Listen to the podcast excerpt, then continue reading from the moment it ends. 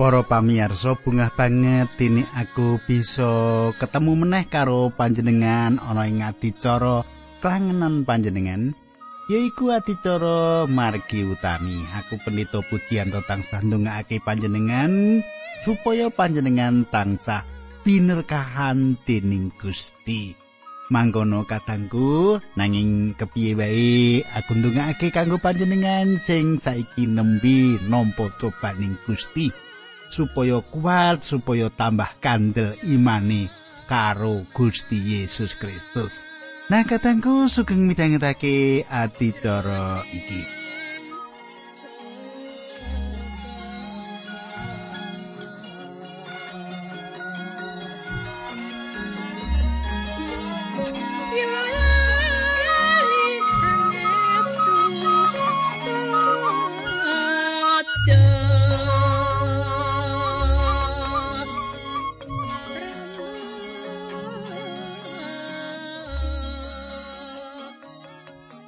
Kadangku kaya padatane.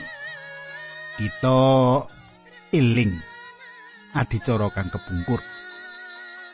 Yaiku aku wis nerangake perkara-perkara sing dumadi ing jaman Nabi Musa ana ing Mesir. Nalika semono wis tekan wewelak-wewelak. Yaiku bab tekani wewelak sing gawe kodenge wong-wong Mesir. Para punggawane prengon ing wektu semono padha munjuk supaya Sang Prabu Prengon gelemong lilani wong Israel ninggalake Mesir supaya wong-wong Israel padha ngibadah karo Allah lan wong-wong Israel padha atur pisungsung marang Allah. Wungune wewalak iku ora mung tekan semono wae, isih ana wewalak-wewalak liyane sing dumadi ana ing Mesir. Nanging sadurunge kuwi kita ndedonga dhisik. Aku arep ngaturake salam sadurunge ndedonga yaiku marang Bapak Suparno Widiutomo. Bapak Suparno kados pundi? Pawartos panjenengan serat panjenengan sampun kawula tampi radi dangu. Kula ngaturaken salam menika dumateng panjenengan, Pak. Awit yo wektu meni. gitu. Kata serat-serat sing kedah kula aturi salam lan mugi-mugi rencang kula sampun balesi serat panjenengan Pak Suparno Widipomo. Nah kadangku kita ndedonga. Duh Rama ingkang ada dampar wonten kraton ing kasuwargan. Kawula ngaturaken kunging panuwun menawi wekdal menika kawula saged tetunggilan lan saged sesarengan dherek kawula. Kawula ndongaaken Bapak Suparno Widi Utomo. Kawula pasrahaken wonten ing asta paduka sedaya pergumulan gesang bot repoting gesang supados paduka piyambak ingkang mitulungi. Matur nuwun sanget. Kawula pasrahaken adicara menika wonten ing asta paduka linambaran Gusti Yesus Kristus kawula netunggal haleluya. Amin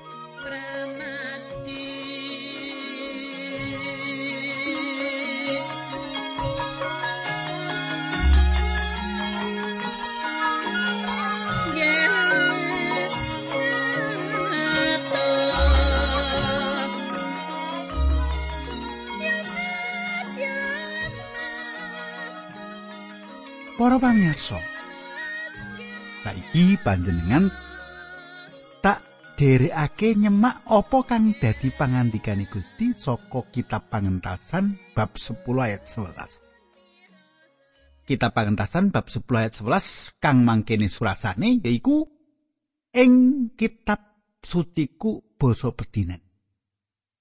Mangkene surasane ora kowe kena lunga nanging ngemungno wong-wong lanang wae sing ibadah marang Allah. Kanthi tetembungan mau Musa lan Harun ditundung saka kedaton.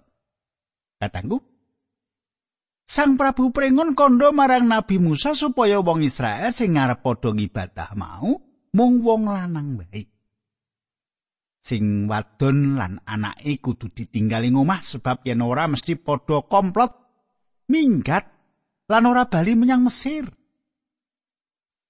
kaya dene Sang Prabu pringon nggone kompromi usulane punggawane lan panjale Musa marang Sang Prabu para kagungane Gusti Yesus ing jaman saiki uga asring ditawani supaya gelem kompromi. Kalumrahan kita kepengin yen anak-anak kita padha sekolah ing papan sing apik lan onjo supaya ing besuke bisa mapan ing pegawian sing akeh bayari. Dadi wong sing cukup mengkono. Gitu? Bisa uga siji mboko siji anak-anak kita banjur adoh saka Gusti Yesus ning yen duwe patrap sing kaya mengkono. Pepinginan dadekake anak-anak kita etuk lan manggon ing panggonan sing sarwa apik iku bisa dadi coba gedhe kanggo kita wong Kristen. Kala-kala ora metungake yen sing ngarani panggonan sing apik iku wujud perusahaan sing pancen duniawi banget kanthi mengkono secara ora langsung. anak-anak kita wis kisen pengaruhe kadonyan sing luar biasa. Apa maneh yen anak-anak kita ora duweni ketahanan iman ing Gusti Yesus.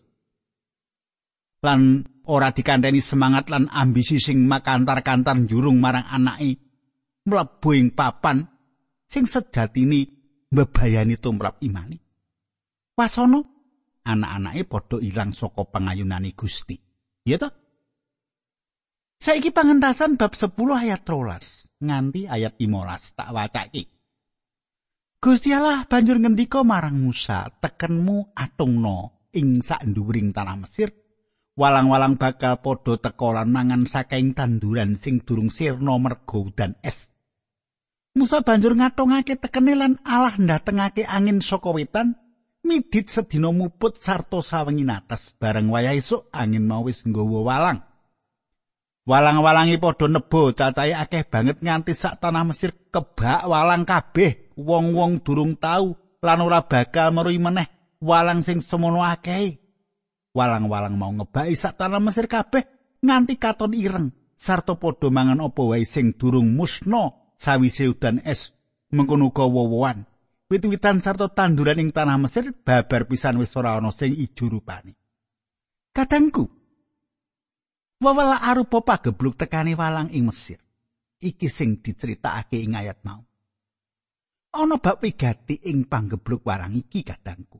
Kedadian iki dudu sawijining mukjizat nanging walang-walang iki saka wilayah sisih wetan.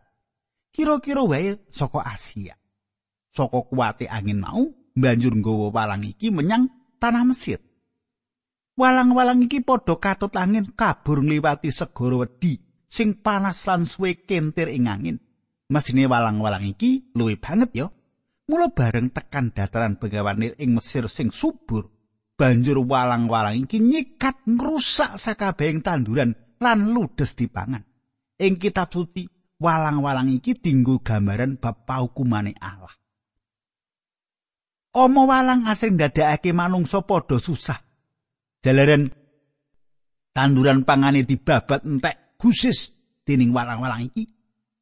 Nabi Yuel nggambarake bab omo walang iki sing tau mbrasta tanduran sing nganti nekake pailan gedhe ing besuke bisa uga bakal kedadian meneh minangka lantaran paukumane Allah sing gegirisi marang manungsa. Ana paukuman meneh. Mula saka kuwi aku lan panjenengan aja sembrono urip iki ngujo hawa nepsu engko nek paukuman kuwi wis teko. Apik paukuman pribadi utawa paukuman sing asipat kabeh manungsa panjenengan ora iso apa-apa. Ngati-ati urip iki. Nah saiki diteruske aku nderekake panjenengan maca pangentasan bab 10 ayat 16 nganti 20 dadi ora tak pedhot-pedhot ya ayat 16 nganti 20 mengkene surasane ing basa pedinan. Sang Prabu banjur enggal-enggal nimbali Musa lan Harun sarta dawuh, "Aku wis gawe dosa marang Allahmu, sato marang kowe kabeh." Kadangku, iki perengon ngaku dosane marang Allah. Ngakoni yen dheweke dosa. Ayat 17 tak teruske. Sepisan iki apuranen dosaku sarta ndedonga marang Allahmu supaya kersa nyingkirake bebaya pati iki saka aku. Musa banjur mundur lan ndedonga marang Allah. Gusti Allah banjur ngingerake nering angin diwalik dadi angin saka kulon sing banter banget. Walang-walang padha katut ing angin menyang ing teluk Suez. Satanah Mesir ora walang siji wae sing keri, nanging raja Mesir tetep mangkotake penggali lan orang ngilani wong Israel lunga. Kadangku Gusti Allah wis kepareng nata kanthi runtut nggone paring wewelak marang bangsa Mesir. Kang kapisan wewelak iku ditujokke marang dewa lan dewi Mesir. Awit apa awit dewi dewa Mesir iki wrata disembah meh sak negara kabeh. Ing samengko Gusti Allah kersa ndawake wewelak sing gawe kasangsarane wong Mesir. Kabeh tanduran padha dipangan dening warang. Mengkono wong Mesir kudu kanthi budidaya kanthi banget supaya nyukupi uripe. Ana walang sing terjang leladan Mesir lan gawe rusake tanam tubuh ing Mesir lan bisa ndadekake bebaya pailan gedhe. Kahanan iki ndadekake prengon martobat ning mung sawetara wektu. Bareng Oma walang wis kliwat Prabu Prengon balik mangkotake atine nanging sumitraku yen nganti Allah wis kirang kesabarane mesti bakal nindakake pameksa marang Prengon lan rakyat Mesir supaya ngluwari bangsa Israel saka Mesir Saiki panjenengan tak derekake maca pangentasan bab 10 ayat 21 nganti 23 coba gateki Gusti Allah ngendika marang Musa, "Tanganmu atongno ing langit, tanah Mesir banjur bakal peteng dedet." Musa ngatongake astane lan sajrone telung dina Mesir peteng dedet. Sajrone telung dina mau wong Mesir ora weruh apa-apa sarta ora ana siji wae sing metu saka ing omahe. Ewa semono ing panggonane wong Israel tetep Sumitraku mestine panjenengan wis tau ngalami ana panggonan sing peteng dedet. Lah saiki Allah ndawake wewelak marang Dewara dewane srengenge sunaring surya wis ora meneh bentel ing bumi. Dadi bumi peteng lelimengan. Allah mlebet ing palimengane pepeteng lan nyerang dewa sing disembah wong Mesir. Pewalak pepeteng iki nuduhake yen dewa ora bisa tumindak apa-apa. Sarana pewalak iki ngempokake atine prengon lan banjur nganakake kompromi sing pungkasan kanggo ngluwari wong Israel saka tanah Mesir. Sopo panjenengan semak pangentasan 10 ayat 24. Raja Mesir nimbali Musa lan dawuh. Kowe padha kena lunga ibadah marang Allah. Para wong wadon lan bocah-bocah kena melu nanging wedhus gembel, wedhus birok lan sapimu kudu ditinggal ing kene. Sumitraku. Kahanan iki bisa dadi tepo palupining sedulur kita nunggal iman para wong Kristen ing jaman modern iki. Allah nimbali bangsa Israel saka Mesir kanthi nggawa sakabehing donya branani. Uga anak-anake kabeh digawa metu saka Mesir supaya apa? supaya ora itu panggulo wentahing Mesir ora digulo wentah cara kadonyan lan nyingkur Gusti lan bisa ilang ing aluling ambisi sukses pusana kerming pati langgeng kadangku ana pengalamane sawijining ibu ing negara manca sing rohani uripe sing nyekolahke anak ing sekolahan sing babar pisan ora ngudi kekristenan minangka dasaring urip. Wah, manut critane ibu iki, anak inggone sekolah maju banget. Nuli sawise tamat etuk pegawean sing hebat, bayarane gedhe, luber-luber, duwe fasilitas sing ngedapi-dapi. Sawise sawetara taun ibu iki nangis sowan Pak Pendetane. Cerita aki yen anake saiki wis ora melu agama babar pisan. Wiwit cilik dilelinting bab tresno marang Allah lan sepapadani. Saiki ora katon babar pisan ning uripe. Mula diwaspada. Diwaspada goleki papan panggula wentah anak-anak kita. Aja sak kepenake. Ana maneh carane urip wong Kristen sing atine mangro tinggal. Yen minggu mesti lunga gereja kebaktian, malah yen ana acara-acara gereja mesti melu mbantu amrih rancai. Ing dina Senin nganti Sabtu uripe Malik Grimbyang ana kegiatan bisnis sing tegal. Ora tau duwe rasa welas maro bangsane. Ora tau duwe rasa welas karo rawang bisnise kancane bisnis. Uripe dadi budake duit. Usaha bisnis kaya patrape Mesir nggone nindes liyan. Karohanen kudu tindakake saka minggu tekan minggu candake ora mangro tinggal. Ing besok yen Gusti Yesus rawuh sing kaping pindho kadangku bakal bisa gawe cowane atine wong-wong Kristen sing sak bagian isih kantel ing bab kadonya. Investasi ini donya brono.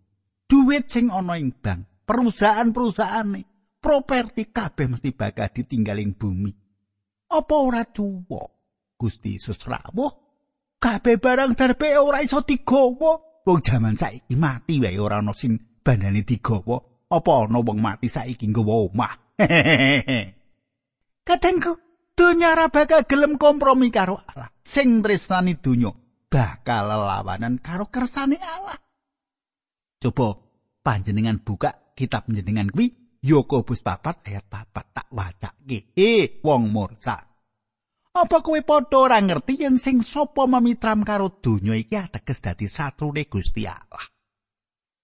Kadangku panjenengan lan aku kari milih. Tresno marang Allah apa tresnane donya iki. Kita bisa sinau marang Nabi Musa nalika ngadepi prengon raja Mesir, ora ana barang kompromi. Saiki panjenengan buka pangentasan 10 ayat selawi tak wacake teko pitulikur. Nabi Musa matur menawi mekaten Sang Prabu kedah maringi kewan kangge sesausan saha kurban obongan kagem Allah. Mboten, kula badhe sami mbekta kewan kula sedaya. Mboten wonten ingkang badhe kula tilar. Kula piyambak ingkang badhe milih kewan ingkang badhe kaaturaken dhateng Allah. Saderengipun dumugi ngrika, kula mboten sumerep kewan ingkang pundi ingkang badhe kula aturaken dhateng Gusti Allah. Gusti Allah mangkotake penggalihe Raja Mesir mula orang lilani bangsa Israel lunga. Ayat 28 lan 29. dawe raja marang Musa lunga saka ngarepku aja nganti aku weruh kowe meneh yen nganti ketemu kowe meneh kowe bakal mati. Ature Musa saestu badhe kelampan kados ingkang sampun panjenengan ngendikaken Sang Prabu mboten badhe pirsa kula malih. Kadangku ora bakal ana maneh kompromi. Kita bakal mlebu ing pasal 11 sing isine bab pungkasane lelawanan antarane panguwasane Allah lan kekuatan setan utawa pepeteng. Matine para anak mbarep dadi gongi, dadi pungkasaning paukumane Allah marang wong Mesir sadurunge bangsa Israel kaluaran saka panindese Mesir. Mestine pringon wis sinau kanthi tekane wewelak sing matumpo-tumpo iku ateges wis ora perlu nglawan Allah. ora ana gunane malah bisa kepupu ing yuda Allah wis katon kesabarani lan nyediakake pangapura. Wis tekan titi wancine yen Israel kudu luar saka tanah Mesir ngabekti marang alae ing ora-ora samun.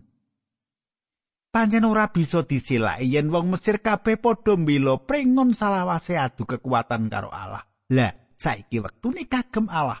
Paring paukuman marang Mesir supaya ngletak ora bisa duwe alasan. Sumitraku ayo maos pangentasan 11 ayat siji loro lan telu. Pangentasan 11 ayat siji loro lan telu tak wacake. Mengkene surasan. Gusti Allah ngendika marang Musa, aku bakal nekake paukuman sepisan kas marang raja Mesir sarta marang rakyat. Sawise mengkono mesti raja mau bakal ngilani kowe kabeh padha malah arep padha nundung kowe kabeh saka kene. Mergo saka kuwi kondo karo bangsa Israel perintah njaluk mas-masan lan sloko marang tanggani. Gusti Allah ndadekke wong Mesir ngajeni marang bangsa Israel. Malah Musa dadi wong gedhe ana ing ngarepe para penggedhe sarta rakyat Mesir kabeh. Kadangku tembung jaluk ing kene ateges ngumpulake opahe opah nggone ditindes mataun-taun dadi batur tukon. Sing tanpa diwenehi sesulih diwenehi opah apa-apa. Wong-wong Israel mau kudu njaluk opahe marang Mesir. Nuli Gusti ndadekke wong Mesir lomo. Atine murah.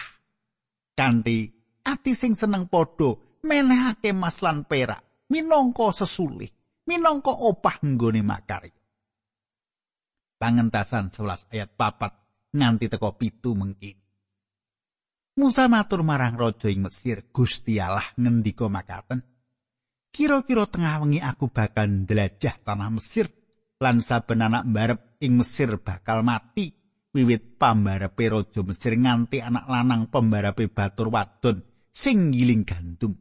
Mengkono sing lair kawitan saka raja kayane ya bakal mati. Ing satana Mesir kabeh bakal ana tangisan sing nrenyuhake sing durung tau kelakon sarta ora bakal kelakon meneh. Dene wong Israel lan raja kayane ora bakal diganggu. Sak banjure kowe bakal ngerti yen aku Allah mbedakake wong Mesir lan wong Israel. Tak terusake ayat 8 tekan 10. Wusanane Musa matur. Para pengagengipun Sang Prabu badhe sami dateng so sujud ing ngajeng kula sarta kula badhe kapurih kesah beto bangsa kula sedaya. Sasampunipun menika kula badhe bidal Musa banjur mundur saka ngarsane Sang Prabu karo duka banget. Gusti Allah ngendika marang Musa, Raja Mesir ora bakal ngrungokake aturmu, perlune supaya aku bisa damel kaelokan luwih akeh menawa ing talam sir. Wis akeh Musa sarta Harun nggone nindakake kaelokan ana ing ngarsane raja Mesir nanging Gusti Allah mangkotake penggali raja mau temah orang lilani wong Israel lunga saka negarane. Katengku kabeh sing jeneng pembarep iku duweke para dewa Mesir. Allah nedahake marang wong Mesir yen ana bedane anak mbarep Mesir lan anak mbarep Israel. Bedane dudu saka malaikate pangeran sing liwat ing Mesir lan sing liwat ing tanah Goshen. Uga ora jalaran sing siji anake wong Mesir lan sing siji anake wong Israel. Bedane ana ing getihe cempe sing dilaburake ana ing kusen lawang. Sing omahe kelabur getih cempe bakal kliwatan saka amuke Dewa Pati. Iki mula bukane perayaan riyadi kanggo bangsa Israel Ariadi Paskah. Lelakon Paskah minangka gegambaran sing paling pas tumrap pangorbanane Gusti Yesus sing ditemokake ing perjanjian lawas. Kadangku kepiye sak banjure perangan iki Musa bakal nyetakake meneh ing ayat-ayat sak banjure. Awit saka iki aja nganti pirembugan kita bab pasinaon kita iki nganti panjenengan ora nunggoni ngrungokake meneh. Kadangku kita akhiri pirembugan kita pasinaon kita lan saiki kita ndedonga dhisik. Kanjeng Rama swarga kawula ngaturaken gunging panuwun menawi wekdal menika kawula saged tetunggilan lan saged mirengaken pangandikan patuko sinau lelampahan ing pundi asta patuko wonten ing tengah-tengahing gesangipun bangsa Israel. Lan samenika asta patuko ugi nuntun kawula sami. Dinambaran asmanipun Gusti kawula Yesus Kristus kawula nyuwun. Haleluya. Amin.